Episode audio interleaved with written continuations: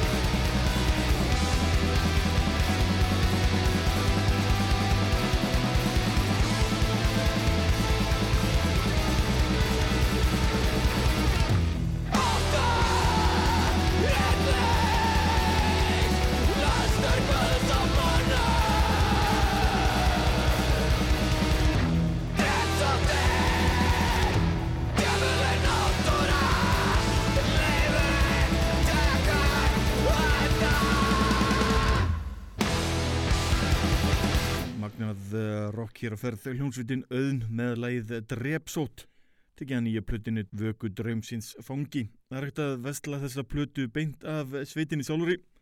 Farið á auðn.is, auðn.is og fjárfestið í frábæri nýri skífu. Er eina af bestu skífum uh, ársins að mínumati. En hljómsveitin Karkas var að senda frá sér uh, glænýja epiplötu. Hún heitir uh, Despicable samansendur af eh, upptökum frá því á seinustu breyðskífu auka lög sem sveitin eh, ja, loksins ákvaða að gefa út. Það er svolítið öðru síðan þetta ofur þunga efni sem eru þekkt fyrir þetta er svona aðeins melodískara eh, ætla að leiða ykkur að dæma. Hér heyru við hljómsveitina karkastakka leið Under the Scalpel Blade. Under the Scalpel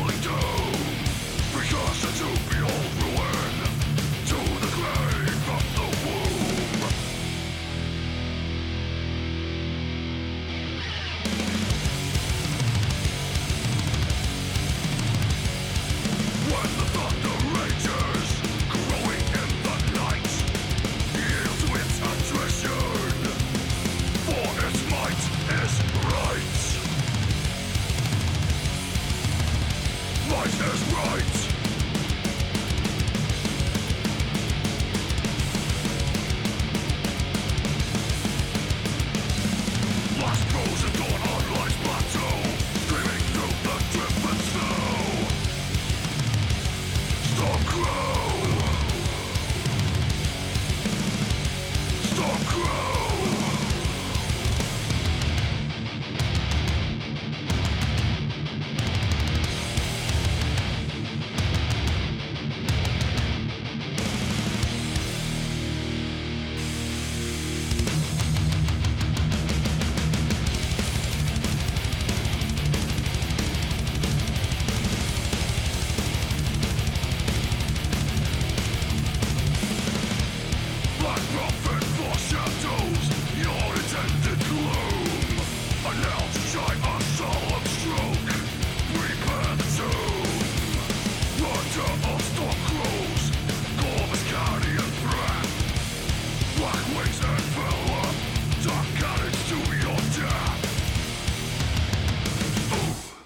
Klassíst döðrokk í nýjum búningi. Hljómsveitin Benediction er með glænýja plutu sem ber nafnið Scriptures. Þetta er eh, glænýtt lag af glænýri plutu. Hljómsveitin Benediction að gera nýtt og gott efni. Þetta var lagið Storm Crow. En eh, hljómsveitin Pólber er, eh, nýbúin að senda frá sér nýja plutu að nafni Forgotten Days. Þetta er skífa sem ég held að ég eftir að standa sig vel. Ljónsvitt sem ég hef lengi verið heitlaður af eh, frábær ljónsvitt heldur hefur túrað með eh, sólstöðum í bandaríkunum ef mann rétt. Virkilega áhugaverð ljónsvitt hlustum hér á læð Rites of Passage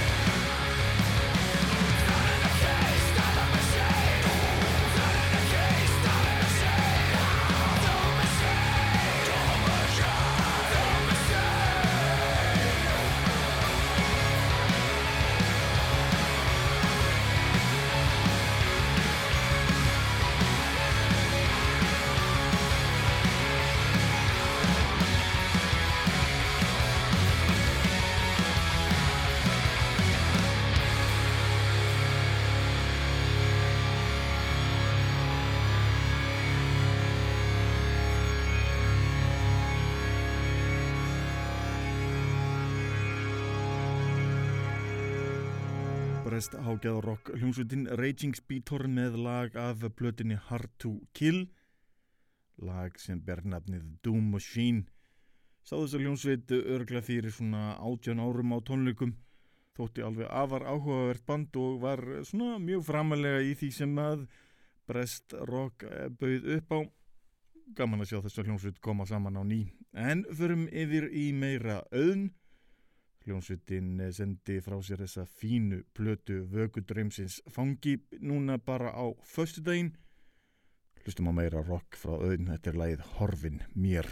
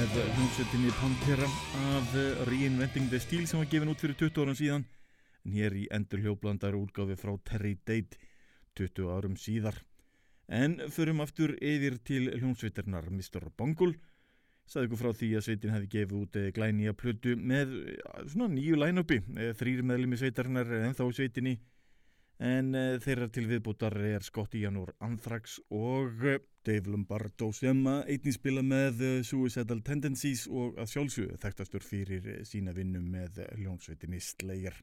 Hlustum mér á læð Glutton for Punishment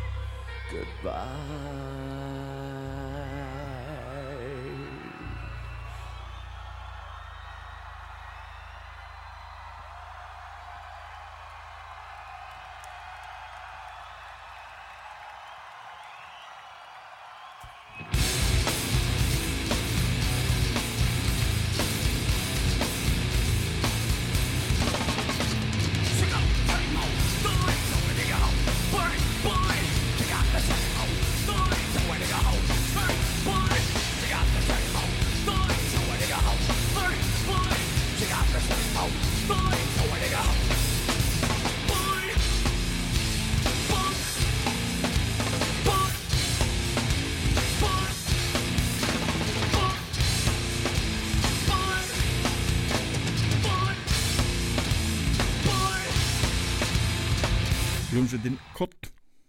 Hljómsveitin Korn með uh, lagið uh, Twist. Fyrsta lagið á plötunni Life is Peachy. Klassik hér á ferð. Uh, ekki mikið eftir hjá mér í kvöld hlustum hér á hljómsveitina Isis. Taka lag að finni merkjuðu plötu Celestial frá árinu 2000 þetta er platta sem kveikti í mér og gerir enn. Hlustum hér á lagið Celestial The Tower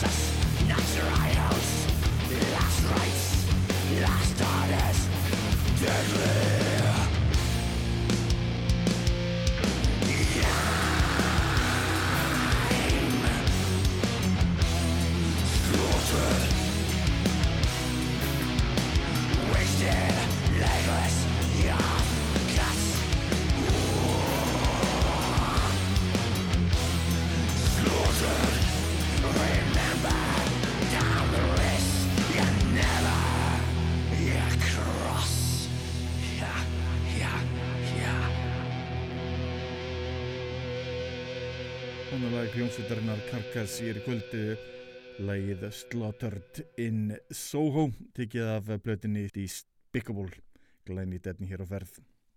En endum þáttinn í dag kvöld eða hvernig sem er að lusta á þrennu með hljómsveitinni Sepultura. Valdi hér eh, þrjúlaug sem að kveiki mér hljómsveitin eh, Sepultura með lægið Biotech is Godzilla af KOCD Endangered Species af Roots og Meaningless Movements af Arise. Þáka til næst. Verðið í sæl.